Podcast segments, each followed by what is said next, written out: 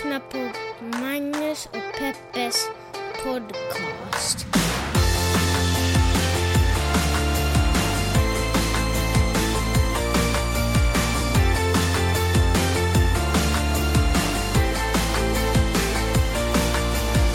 Hallå internet och hjärtligt välkomna till podcasten som heter Magnus och Peppes podcast och hjärtligt välkomna till er Kanske inte fredag, men lördag tänker jag mig i alla fall att det skulle kunna vara. Gud vad roligt för er! Idolfinal och allting har ni haft om ni bor i Sverige och bor ni i Finland så har ni haft självständighetsdagsfest där nu.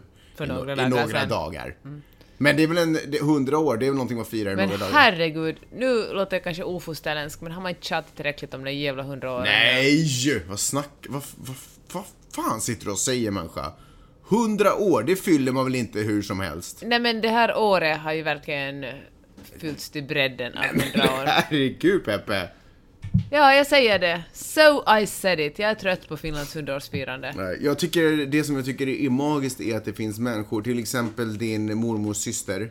Kaja? Ja, alltså människor som ännu idag lever i fin- landet Finland, som föddes innan Finland var liksom, eh, åtminstone självständigt. Och liksom föddes under en tsar, till och med. Undrar om det är 13 eller 14 hon föddes. Det är Då fyllde hon crazy. 103 alldeles nyligen.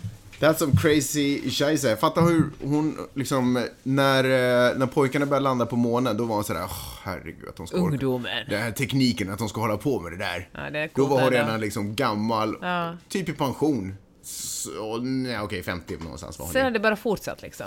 Helt galet. Livet. Alltså helt, helt Men galet. har du- Har hon en, är hon på Facebook? Ja. Hör du, det som är störst i Finland, det populäraste TV-programmet i Finland är ju Slottsbalen. Mm. Som, eh, som handlar om en fest på slottet som egentligen bara är ett vanligt hus. Nej, det man tittar på handlar ju om att presidenten står och skakar hand timme Ja, ut ja, och timme man in. tittar i tre timmar på en kavalkad av människor i klänningar som En går in. enorm kö. En enorm kö för att få gå fram och skaka hand med presidenten. Medan tv-kommentatorer från alla kanaler ungefär sitter och berättar Ja, det där är alltså sångerskan Tina Purssinen som kommer i en fin klänning gjord av Magdalena Forsbacke. Exakt sådär, vilken är- otroligt bra är det- imitation. Är det vi... Det, ja, ja, just det. Det var ju mycket tal om att hon ska ha vita papiljotter. Hon har vita papiljotter på klänningen, jajamensan! Nåja, inte riktigt sådär. Men, eh, men det slog mig två saker när jag kollade på bilderna efteråt. Ett, fan, jag är dålig på att känna igen finländare. Du är dålig på att känna igen fin- när du ser någon på gator, Nej, eller? men sådär identifiera. Identifiera Nej, jag snackar- finländare. Jag snackar inte rasbiologi nu här. Utan jag menar snarare Tänkte du framförallt på det när du var i Etiopien? finska kändisar tänkte jag. Ja. Men, men vad, vad snackar du om? Du känner ju inte ens en grannar här i huset. Som har bott här lika länge som ungefär du och jag.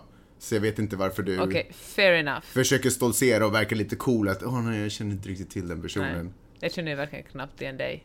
Ja, nästan. Det är ju nästan så att jag måste presentera mig varje morgon. Jag har lite pirrigt i magen varje gång. det är den enda Men, fördelen. men då talade jag, jag åt, åt eh, frukost igår med eh, Sofie Oksanen som är stylist, årets stylist förra Mm. år. För Elle utser ju alltid årets det ena och det andra. Var hon inte bjuden till eh, galan? Hon valde att vara i Los Angeles.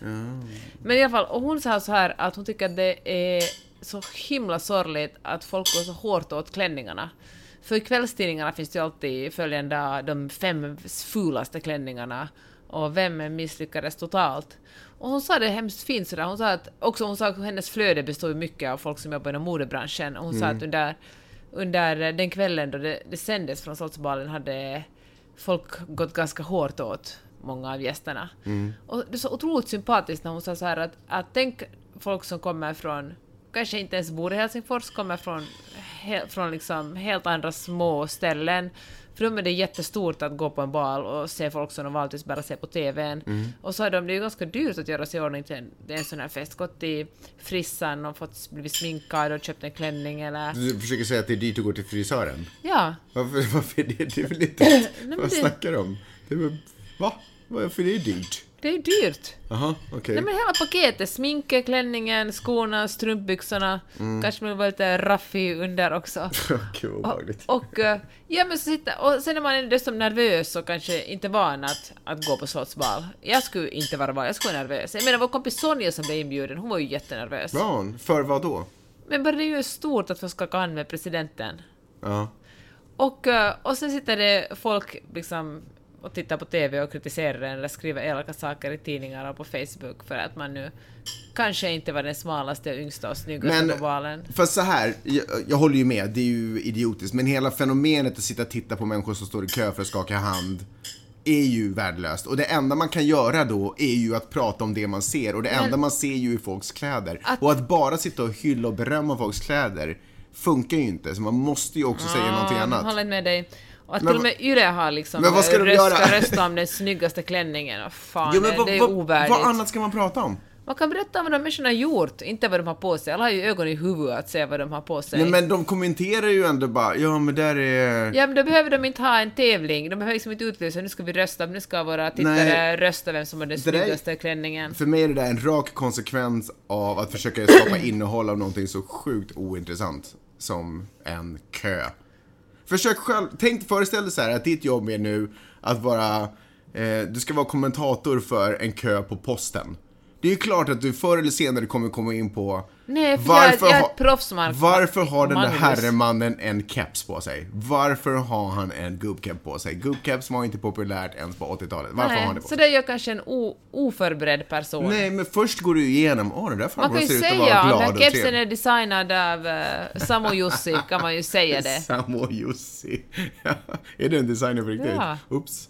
I alla fall. Så, eh, nej men jag tänker att förr eller senare kommer man ju komma in på, skitsamma. S- alltså, ja, strunt samma.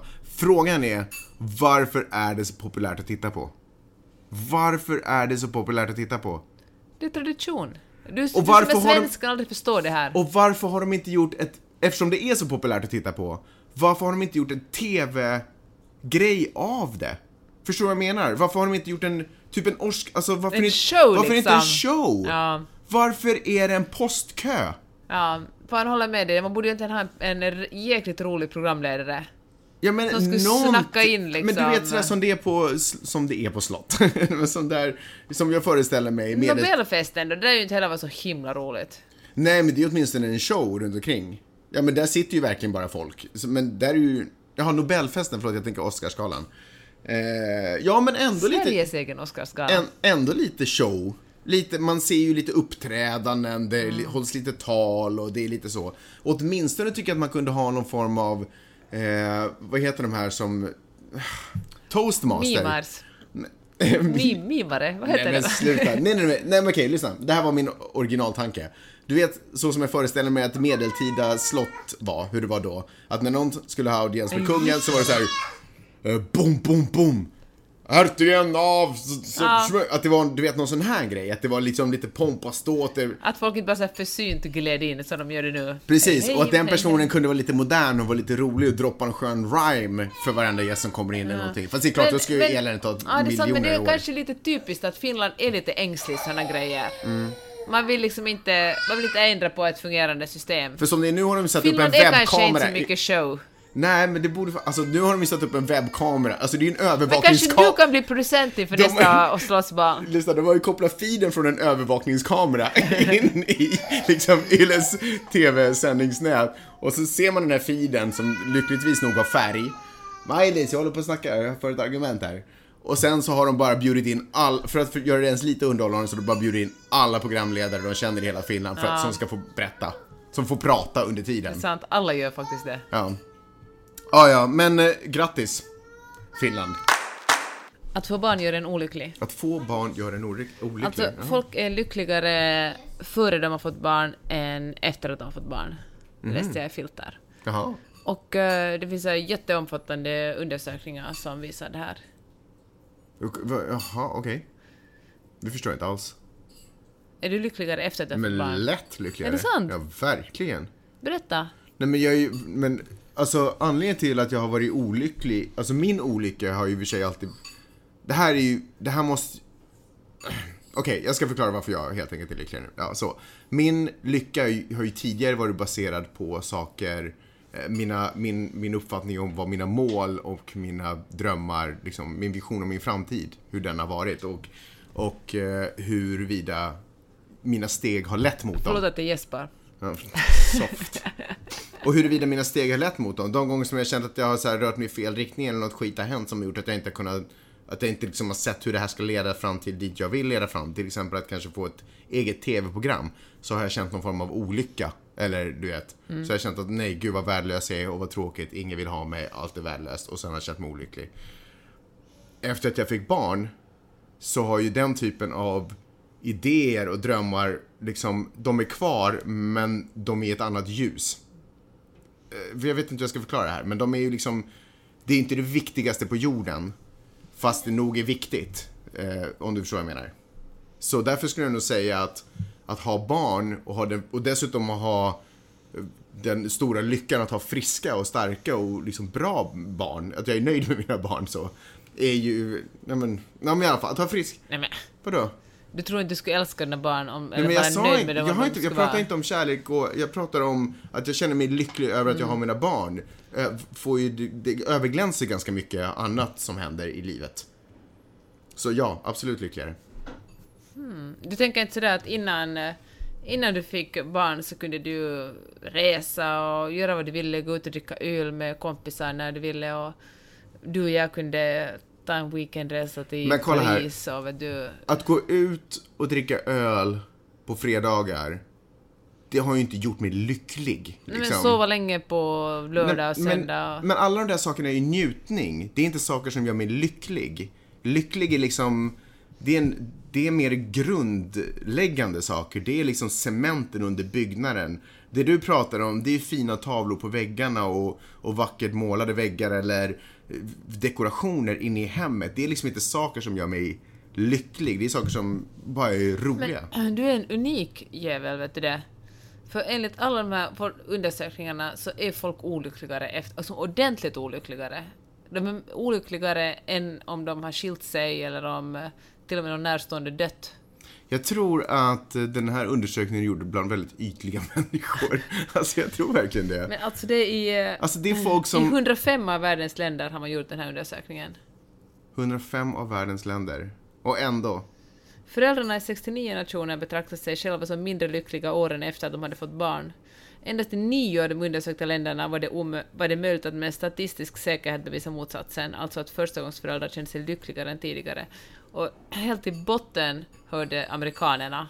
När de får barn blir de superolyckliga. Men vet du varför jag tror att de blir... Vet du varför jag tror att folk är olyckliga efter att de får barn? För att de lever i ojämställda förhållanden. Ja, men svenskar är faktiskt också ganska olyckliga. Men jag tror inte att de lever i så nödvändigtvis. Jag tror att de... Mm. Jag tror att de lever ganska ojämställt också, till största delen. Så tror Eh, du att inte vi är lyckliga för att vi lever ganska jämställt? Men jag tror att det är en, en, en, åtminstone en förklaring till att vi har, till åtminstone att jag kan uppleva en ganska bra grundlycka därför att jag känner att du hela tiden har min rygg och jag upplever också en viss lycka i att jag känner att jag kan ha din rygg när, när det smäller på eller någonting annat händer.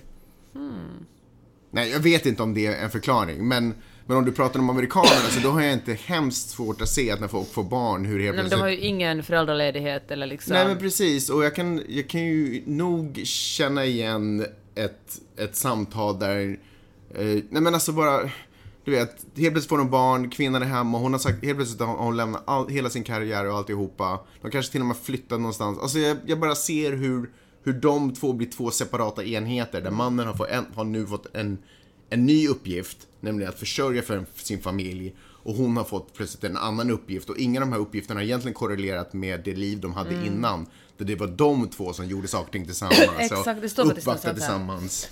Får läsa här ett jätteroligt stycke där de jämför, eh, de har ett system där man fått poäng på hur lycklig och olycklig man är och så jämför de det med systemet på IMDB, den här movie databasen. Okej. Movie databasen. Ja. Som det heter. Sett till Det hela, är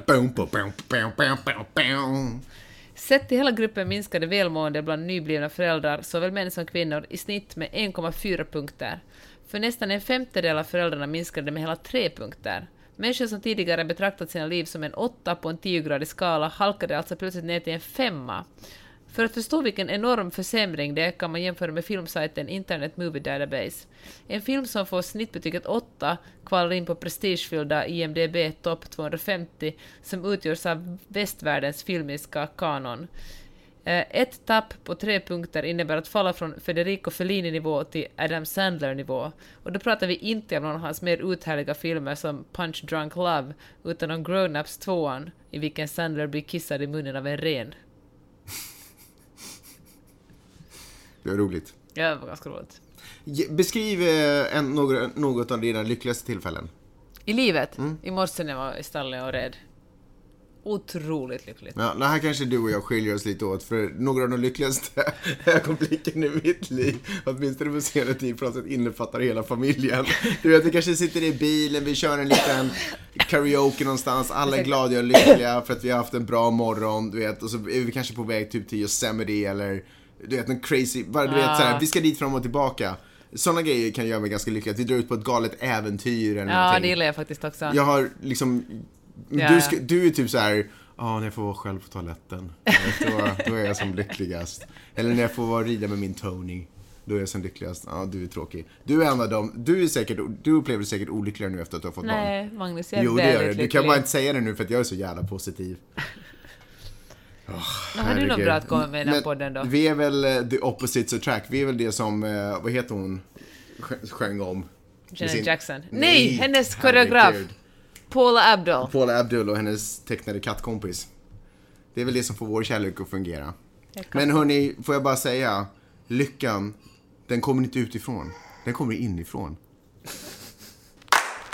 Vi glömde ju senaste podden prata om, eller senaste avsnitten, gud jag avskyr när folk refererar till sitt tidigare avsnitt som den tidigare podden. De gör det med bloggar också. Har De, du en- gör också det. Jag blir, det. Då känner jag mig extremt olycklig om jag får säga så.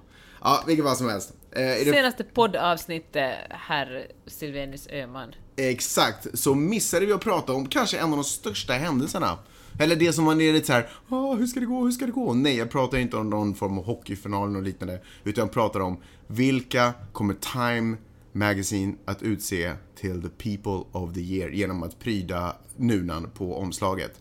Och eh, det, den kom ju ut nu för... Det var Den väl, sjätte. Ja, det sjätte.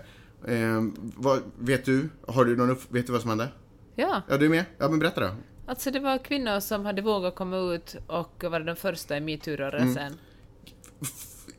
Har, och, Som har brutit tystnaden. Men också mysteriet. Är du insatt i mysteriet?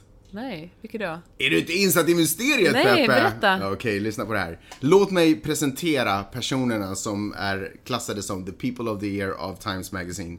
Visst heter det Time? Nej, New York Times. Nej, är Time, inte S. Nej, Time. Men är det ändå Time Magazine? Mm. Nej, bara Time. Anyway, ni vet vad jag menar. Den här eh, världsberömda tidningen med magasinet med en röd ram runt. Eh, så. så, en av... fem kvinnor pryder omslaget. Sex kvinnor pryder omslaget. Men fem kvinnor ser vi. Eh, den första är skådespelerskan, du, är du med mig Peppe? Ja. Du ser helt, du bara, "Åh, vad är det som Ja. händer? Woohoo! Eh, den första är Ashley Judd, som var en av de som kom ut. Eh, och sen Taylor Swift är en annan som innan den här Weinstein-affären egentligen i en eh, rättegång-härva exponerade en eh, radiopersonlig, en radiosnubbe för att... Kunde det varit du, Magnus? Vad sa du? Det kunde vara jag. För att han hade tagit tillfället under photoshoot att grabba hennes bak. Och det roliga var att han hade först stämt henne för att hon hade sagt någonting som hade fått honom att typ förlora jobbet eller åtminstone fått några repressalier. Och eh, då hade hon counterstämt, hon hade inte ens tagit upp den här grejen. Hon hade bara Ah, det var det hon countersände honom för en dollar. Ja, och i den rättegången kom det upp. Så att han liksom, då blev, han han verkligen i skiten. Ja. Väldigt intressant. Susan Fowler är en, eh, en annan person som var en tekniker på Uber. Som skrev 3000 ord blogginlägg om varför, Ja, men det talade vi om i podden Mm. för länge sedan. om varför hon lämnade Uber och liksom att hon hade blivit, eh, typ någon chef hade kommit fram och sagt att jag vill ha sex och inte betett sig kosher. Adama Iwu, Iwu, jag hoppas att det uttalas så, som är lobbyist och som startade liksom uppropet We said enough, eller kampanjen, nej inte kampanjen, uppropet We said enough, eh, som också var innan eh, metoo. Eh, som alltså var en av föregångarna att dra, och berätta personliga historier. Och sen Isabel Pascual, en mexikansk kvinna, en jordgubbsplockare. Men tydligen så är Isabel Pascual inte hennes riktiga namn. Jag förstår inte riktigt vad som är grejen där. Men det är inte hennes riktiga namn, men hon går under namnet Isabel Pascual som är en jordgubbsplockare som hade som har hållit eh, tal, bland annat höll tal på eh, eh, någon sån här marsch i Los Angeles eh, i sviten. Women's March, Women's som vi March. också gick på. Nej men herregud, det var ju det precis. Eh, I sviten av Weinstein-skandalen. Var det Women's March Sweet, den här Weinstein-skandalen? Var inte den innan? Den var... Ja, men det handlar om att Trump blev president. Ja. Och ville dra ner på Planned Nej, men det här, det här var någon, nej, det här var en metoo-marsch Ja. som, hon hade, som hon hade hållit tal vid. Anywho's. Och sen, den eh, sjätte kvinnan. Om man tittar längst ner i, i högra hörnet så ser man en armbåge sticker in. Alltså, är inte det här så spännande? Så bra. Och det är en anonym kvinna som, eh, har, som är en eh, ung, så här beskrivs det som, en ung anonym sjukhusarbetande kvinna ifrån Texas.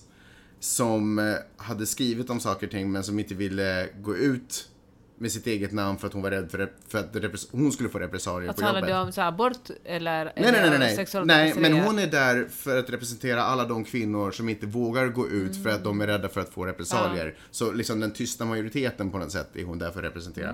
Men vad snyggt! Mycket snyggt. Alltså jag får lite Gåshud. gåshud. Ja, jag får lite gåshud. Det är så uh, Jag ser dina bröstvårtor rätt. Sluta hålla på. men Försöker föra ett, inte utan Jag skjorta då. jag försöker föra ett seriöst resonemang här. Det där är, det där är, det där är sex, sexual harassment. Nej, inte riktigt. Ja, men håller med hur, dig. hur mäktigt är inte det? Ja, otroligt mäktigt. Så coolt. Eh, vad tycker, var det bra? Ja, Var det helt rätt, eller hur? Ja, men det var väl så i självklart. tiden, helt rätt och så vad, viktigt. Vad hade du tänkt om de hade för det behöver ju inte vara de mest uppskattade personerna under året som hamnar på omslaget, så det hade ju kunnat vara Weinstein egentligen. Eller du vet, han är ju egentligen roten till hela metoo-härvan. Eller Maj-Lis Öhman. Eller Miley Salmon som... Ja, kanske vi var klara med den här grejen då. Okej. Tack! Då vill jag också tacka vår samarbetspartner Schilds och Söderströms och eh, Bokförlaget. Tipsa om eh, att Märta Tikkanens Århundradets kärlekssaga från 1975 finns som ljudbok och det är Märta Tikkanen som läser in den själv. Är det inte magiskt om någonting? Du är ju, alltså århundradets kärlekssaga är ju egentligen din kärlek till Märta Tikkanen. För det hände ju någonting för några år sedan. Du tog kontakt med henne bara spontant. Och sen dess så har ni blivit typ kompisar. Ja, men vi har skrivit några mejl och träffats. Jag berättar, vad är det med Märta Tikkanen som gör henne så magisk? Hon är en otroligt bra författare. Och hon är en av... Är det bara det, eller är hon också en... Hon är också feminist och... Nej men cool, hon har, hon har haft ett tufft liv. Alltså hon har inte levt lika jämställt som jag, om vi säger så. Mm. Och, eh, och hon skrivit också otroligt bra böcker. Vet du en grej som eh, jag ibland känner sådär, åh, fasiken vad synd. Vadå? Och det är att jag inte har haft ett tufft liv. För det är, det är så svårt att kunna, jag skulle vilja bli, jag skulle vilja förlora mig i konst och bli en konstnär, men det är så svårt att vara det om man inte har haft ett tufft liv, känns det som. Det skulle vara mycket lättare att kunna... Nej, men vad, Nej vad men lyssna, snackar det skulle, kunna, det skulle vara så mycket lättare om, alltså jag, jag säger inte att jag... Du raljerar. Nej, men jag är liksom inte avundsjuk på människor. Det finns ju naturligtvis tunga liv och tunga liv. Men ändå, du vet, så mycket intressantare man är i sociala konversationer och det kommer fram att man har haft ett tufft liv. Då vill folk veta mycket. Ja, men du vet, om frågan kommer upp så här, hur växte du upp? Jaha, hur var det? det bara, nej, men, Du bara på Södermalm, det var, Ja. det var tufft på den tiden. ja, men det var det väl i och för sig, men inte så tufft att det skulle vara ett, liksom ett getto utanför Johannesburg eller någonting. Men, men... Eh, Alltså du är så privilegierad att jag... Ja, men det är ju, det är ju ett ok. det, det är inte... Herregud. Jo, men därför att det är så trendigt. Och Och på, det så... och på lördagen blev bastuklubben avbokad, så du kan inte gå ut och supa med dina svenska vänner. Du fattar, det här är mina problem. Men alltså, det är ju ett... Det är ju ett upp och nervänt... Men jag kan trösta dig med att det kanske händer någonting ännu. Kanske, Nej, om men jag om vill du har inte det. tur kanske, Nej, kanske nej, nej. en bil kör på mig och jag blir handikappad. Nej, nej, nej, nej, nej. Det är inte så. Alltså, det är inte det att jag inte är tacksam för allt jag vill ha. Men, men jag känner ändå att... Ja, att kunna ha en liten edge, liksom. Någonstans. Som, nå, någonting, något karaktärsdanande i Men sitt liv. istället är du, du som en sten som ligger nere vid, vid just där vågorna bryter in och du är bara rund och len. Ja, eh, exakt. Du är inte en Så är enda det. kant på och, dig. Och inte, nej, det finns inte en enda kant på mig. Och vad heter det, det är, och inte nog med att jag bara, jag råkar också vara liksom placerad på den vackraste delen i skärgården ungefär, där det bara, solen bara glänser ner. Så det är ju, eh, alltså det är klart att man hade lite fattigt och så hemma, men det är ju liksom ingenting som man skriver en novell om. Dina föräldrar är inte ens skilda. Eh, Inte ens skilda. Inte ens de. det kunde de ge dig. Nej, alltså... Jag fattar att du, tror, du, du känner att det här är någon form av skämt. Men har du aldrig i egenskap... Alltså du skriver ju. Har du aldrig känt att sådär... fan om jag hade kunnat vara med om någonting lite som jag hade kunnat föra in här. För att om man ska föra in någon riktig dramatik så måste man ju liksom referera till bara skit man har hört om. Eller sett på film. Men fantasi. Jo, men det, alltså den där... Ja, men det... Alla sådana konstnärer pratar ju om, så här, eller skådespelare, ja du vet när man gör den här rollen, när man skriver det här. Det är ju mycket av en själv man lägger ner i det här. Eh, Kai Korkeaho till exempel. Han är ju jäkligt förspänt. Kommer från en, kommer från en sjukt religiös liten plats, stammar och är gay. Liksom, hello! Det finns ju hur mycket som helst att ha av. Han, han kunde ju skapa typ fyra, fem karaktärer i där Den onda boken någonting, bara av sig själv. Liksom, förstår du vilken eh, ynnest? Fast naturligtvis, jag vet ju inte om det är värt det eller inte, men vi, åtminstone ett fantastiskt sätt att förvalta sin historia på, att kunna presentera den.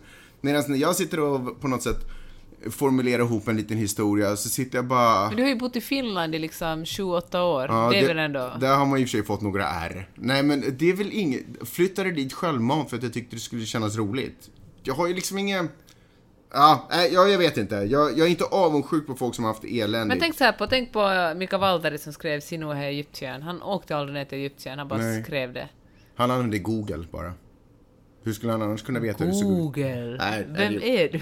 Nej, det gjorde han ju förstås inte. Det var ju långt innan. Det var ju faktiskt Vet du om att den första romanen man har hittat hette Sinuhe Egyptien? Alltså, det var ju inte Mika Valtaris. Mika Valtaris första. Nej, men att det var därför den, eh, han döpte den till det. Nej, det visste jag faktiskt inte. Så är det. Jaha. Borde jag Eh, göra en bokpodd? Ja, exakt. Eh, men, då, men, men förstår du, då tänker jag så här, för man vill ju alltid sitt bästa till sina barn. Eh, och det är ju därför jag har fått leva det, mag- eller åtminstone fått den magiska uppväxten som jag har fått. Eh, för att mina föräldrar var väldigt måna om att jag skulle ha det bra, för att de kanske hade det lite värre. Så. Men då tänker jag, är det en fullständig gåva att till exempel ta vidare ifrån ett eh, snö och slaskigt Helsingfors och placera honom i ett underbart Santa Monica där alla ler hela tiden. Där gräset alltid är grönt för det är fake. Och, och lärare och alla, att det är trevligt och bra. Och han får allting typ lite så som han pekar på. Men om vi har tur kanske det kommer en jordbävning och äter upp oss. Nej men det, så kan man ju inte heller tänka. Men förstår du, är det bara en gåva att ge bara positiva saker? Men jag tycker man kan ju kanske vara lite noga med hur mycket man skämmer bort sitt barn.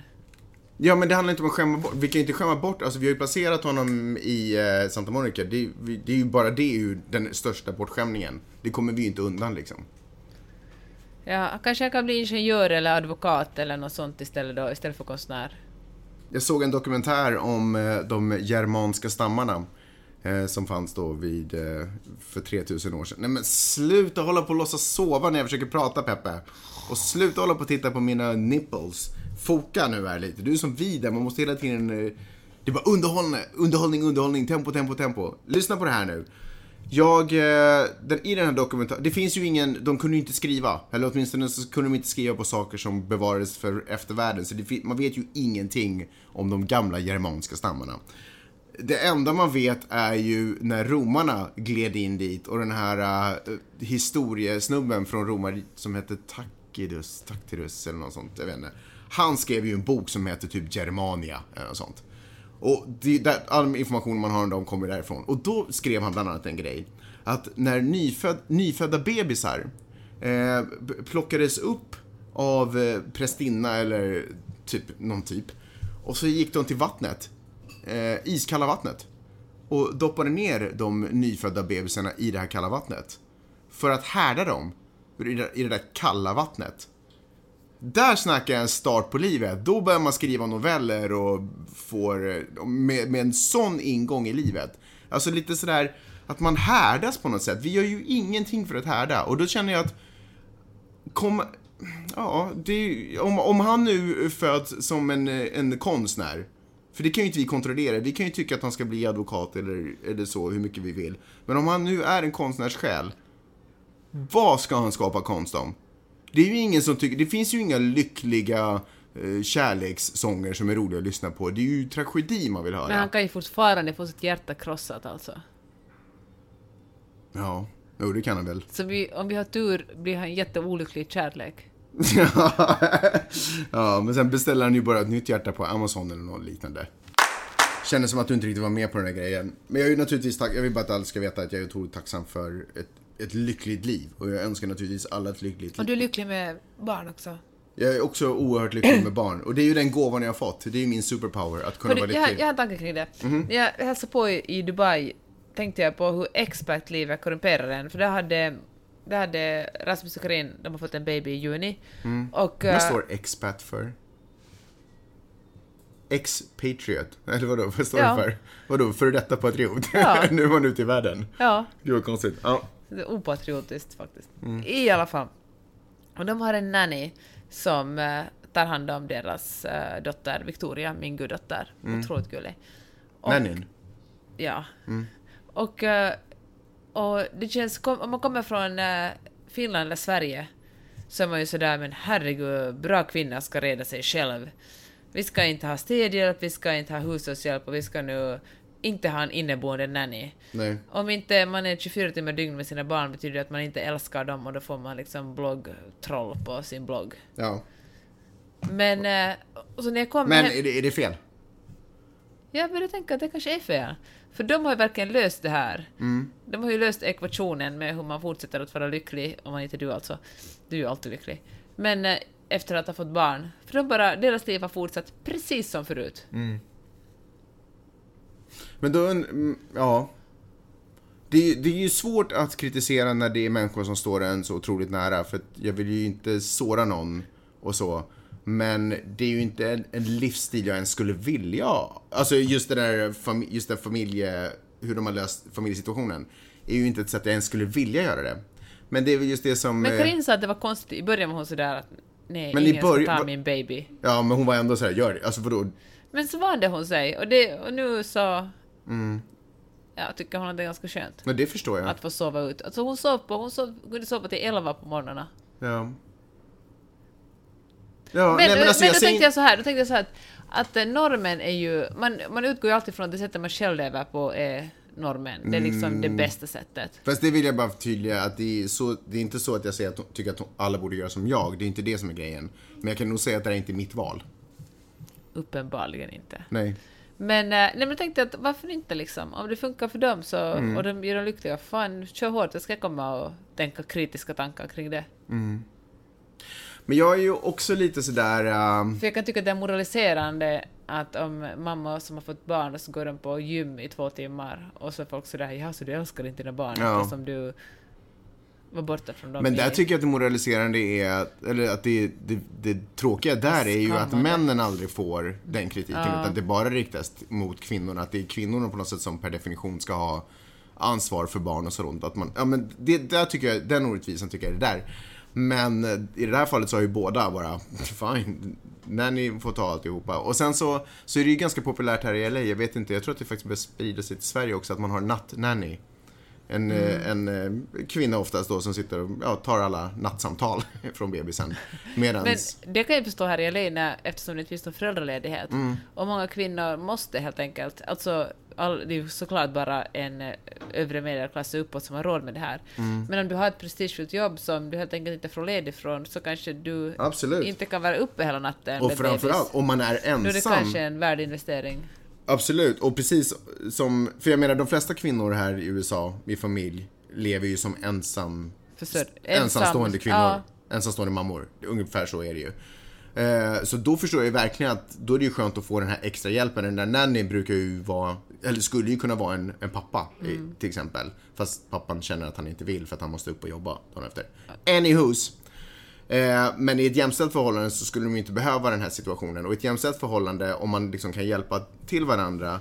Gud vad mycket snack om feminism. Ja men så tycker jag, alltså, men så här är jag. jag, alltså, jag Skoja! Jag tycker det är bra Magnus. jag tycker ju lite om faktiskt att eh, tortera mig själv. Alltså jag menar inte att jag faktiskt brukar tortera mig själv. Men jag tycker om, till exempel så här, om jag till exempel är bakis så försöker inte jag hitta några kurer för att bota mig bak. Jag tycker att det är en del av nöjet att också få lidandet. Och jag tycker att en del av liksom, det magiska att ha barn är också den kampen man går igenom med att få Du dem menar att växa när, upp. när de Miley's kom tänkte du så här challenge, challenge Ja, accepted? lite så. Jag, jag vill ju gärna tro, fast jag inte tror att det är så, men jag drömmer mig bort att det är ungefär samma känsla som om jag skulle vara ute på steppen för tusentals år sedan och jaga ett björn. Och den där kampen innan jag fäller björnen och sen kunna komma hem med björnen. Bara, Ho, kolla vad jag gjorde. Att det är liksom en, innan Miley och så vidare blivit helt självgående och liksom mitt jobb, eller vårt jobb, är gjort. Så har jag liksom kämpat för att det ska bli så. Och då kommer jag få en mycket större tillfredsställelse i mitt, Mm. eh, mitt lyckande. Förstår du vad jag menar? Så jag gillar den där lilla kampen. Det är fint Magnus. Nej, jag vet inte. Jag tycker det låter sinnessjukt nu när jag säger det högt. Ja, men så, mm. Också, låt oss säga så.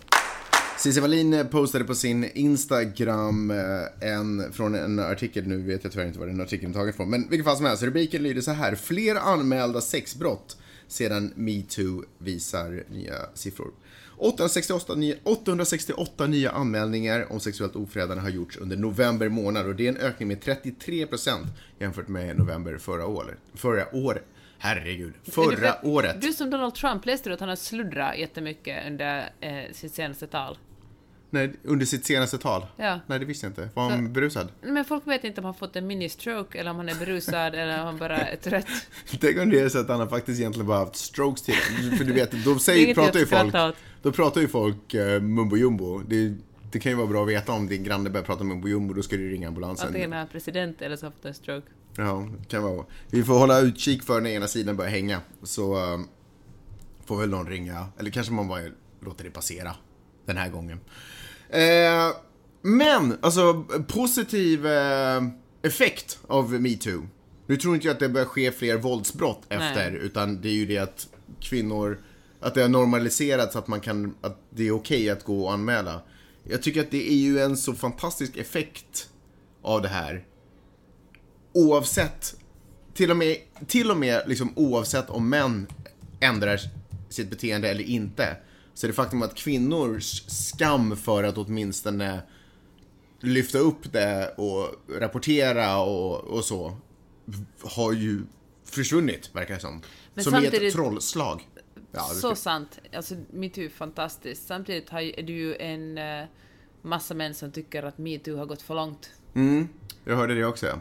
Fan, jag försökte knappra in och försöka hitta det här antalet, men... eh, men nu, nu hittar jag inte procenten. Mm. Men eh, vad, ska, vad ska man säga åt såna? Jag, jag halkade också in på en, en Facebook-diskussion där den här eh, antifeministen tyckte att eh, det är katastrof för nu är det en massa män som blir oskyldiga män som förlorar sina jobb och blir uthängda. Ja men det här, ma- massa eh, oskyldiga män Men alltså så uthängda. sa han, så är det Ja. ju inte. Nej. Alltså hur många oskyldiga män har förlorat jobbet i praktiken? Hur många män har ens förlorat jobbet? Men det här måste jag säga, Weinstein och... Uh, va, inte ens Virtanen.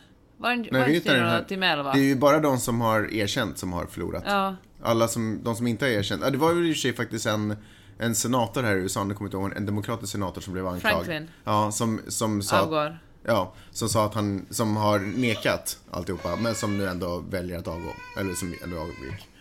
Men, men, men det här måste jag ändå säga, för det här är ju, det är klart att det kommer komma felaktiga anklagelser.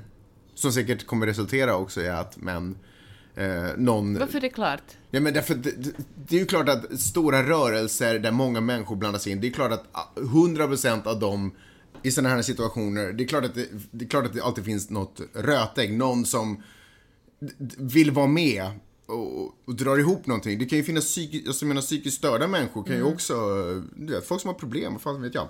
Och egentligen så, inte ens min egen tanke, utan jag citerar rakt egentligen nu faktiskt, var eh, Mannheimer och Svan... Kärringar. Käringer. Ja, du Och. Svanberger. Svanberger. Eh, deras podd lyssnade jag på. Och då pratade de just om det. Men, men deras poäng är också, och, så, och det är ju helt korrekt. För det, precis, och så kanske det uppdagas, ja nej, någon falskt anklagad, verkligen falskt anklagad. Ja nej, då blir allting, då är allting skit. Och då, det är just det här, det här är vad man trodde, att det här var ju bara nu kvinnor som eh, hämnd, lyssna kvinnor. Eh, och det är ju naturligtvis inte så, utan man kan inte låta, man, får, man måste vara försiktig, man måste acceptera att det kommer finnas folk som förstör och som, som, eh, som felaktigt ger sig in i sådana här upprop av en eller annan personlig anledning. Men, men det har ju ingenting med själva uppropet att göra. Det är ju inte en representation, för uppropet. Jag vet inte, pratade, hur kom jag in på det här ens?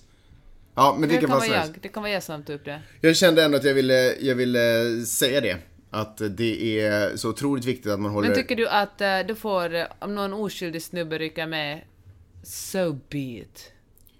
Ja, nej men så här, så här, och det konstaterar de också, och jag håller helt med dem, att ibland måste man se det stora bortom det lilla. Det är inte optimalt att någon ryker med eller att, att någon blir oskyldigt dömd och livet förstörs. Det är ju fruktansvärt. Det, så ska det ju absolut inte vara. Med det sagt, den otroliga effekt det har haft på samhället så är det ju beklagligt om naturligtvis, och jag säger det igen för jag vill verkligen inte att det ska vara sådär, äh, jag vill inte att någon ska tro att jag tar det med en klackspark eller jag tycker att det bara, hmm. Men ändå, så den stora vinsten är så otroligt mycket mer värd för det stora hela och för framtiden, för tusentals, liksom, och jag menar eh, potentiellt evig framtid så är det ju miljontals unga människor, kvinnor barn som, som har ett nytt liv att se fram emot. På, ett, på en nivå, förstår du vad jag menar? Absolut. Och då är det ju klart beklagligt om det har varit på bekostnad av en eller ett par eller hundra män, oskyldiga det hundra män som... Under, under Skoja, hela... Under jag hela fattar, förlåt. Jag försöker vara lite rolig här när du pratar. men humor är ju generellt din starka sida, det vet vi ju. Nej men sådär, så, så jag menar, the bigger picture tycker jag ändå är det viktigaste, fast jag naturligtvis önskar att det aldrig skulle ske ett fel eller att någon med ett ont hjärta utnyttjar en positiv rörelse, så är det ändå, den positiva rörelsen får inte svärtas av dåliga människor. Så. Bra sagt. Ja, vad säger du Peppe? Var det allt jag hade att bjuda på, tänker jag, den här veckan? Jag tror det. Och så är vi tillbaka snart igen. Vill du tala om bränderna ännu? Ja, men det måste vi kanske säga. Det är för alla oroliga själar som har kontaktat dig. Hemskt få verkar bry sig om... det kanske jag kan skriva en Per bok om. Blankens mamma till exempel. Har kontaktat dig. Ja, men det är för att hon är orolig för Per, inte för dig. Mm. Nej, Men, och de blev ju inte ens i fara. Eller gör de Nej, det gör de Nej, inte. då är vi till och med bjudna dit för att evakueras. Mm. Men hör du, eh, ja folk har verkligen hört av sig. Det är ju otroligt gulligt. Tack för att ni tänker på mig. Ja, varför har ingen av mina vänner hört av sig till mig? Jag tror det är för att du aldrig svarar på... Nej, vet du varför det är? Du är en sån typisk man som inte har kultiverat dina sociala kontakter. Va? När du lämnar ett ställe klipper du samtidigt av alla dina vänskapsband. Det stämmer inte. Det stämmer ju. Nej. Jag talar ju med mina vänner liksom eh, flera gånger i veckan, folk som är i Sverige och Finland. Hur ofta talar du med dina vänner i Finland och Sverige? Men, talla och Ja. talla, ska man behöva talla hela tiden? Ja, det är vad jag säger. Du vet att män, eh, män är generellt sämre på att uh, Om jag inte har sagt sina... att jag hatar dig så utgår ifrån att jag älskar dig. så resonerar jag. Ja, men skitsamma. Vi mår bra. Bränderna här uppe i LA verkar vara under kontroll. Det är någon lite mer norrut som, eh, som inte... Ventura, Ja, ungefär 80 kilometer tack. härifrån. Tack GPS, Öman. Eh, vi, vad heter det, mm, är helt okej. Det har regnat lite aska över oss de senaste dagarna, men nu, idag så var skolorna öppna igen, så att det är väl kul för alla där borta att veta. Däremot så, så helt plötsligt så brann det till i, eh, i San Diego. Och, får jag bara säga en sak? En liten kändisskvaller. Jakob Manninen, han som var med i Beats and Styles. Ja. Hans hus var ungefär fem minuter från att brinna ner. Det, Hans nyköpta hus. ny, ett år hade han haft, han hade precis köpt en ny Infinity Pool som han har drömt om sen barn, inside info. Eh, och eh, elden, när det var en mile kvar, typ, när de såg elden där borta, då drog familjen ungefär. Barnen, han har ju typ ett nyfött barn också. Och sen när det var en halv mile kvar, då bara eh, och så hoppar han och typ någon Åh vad dusch. läskigt. Alltså, Hörde du sig. Maj och balanserar på en... Ja, oj, oj, oj, hon bara ser på barnstolen där. Eh, där drar Peppe, där drar Maj-Lis. Eh, nu, bra, bara jag kvar här, skönt. Tack så hemskt mycket för att ni har lyssnat den här veckan. Vi hörs eh, på tisdag igen tycker jag. Det gör vi. Hejdå! Hej då!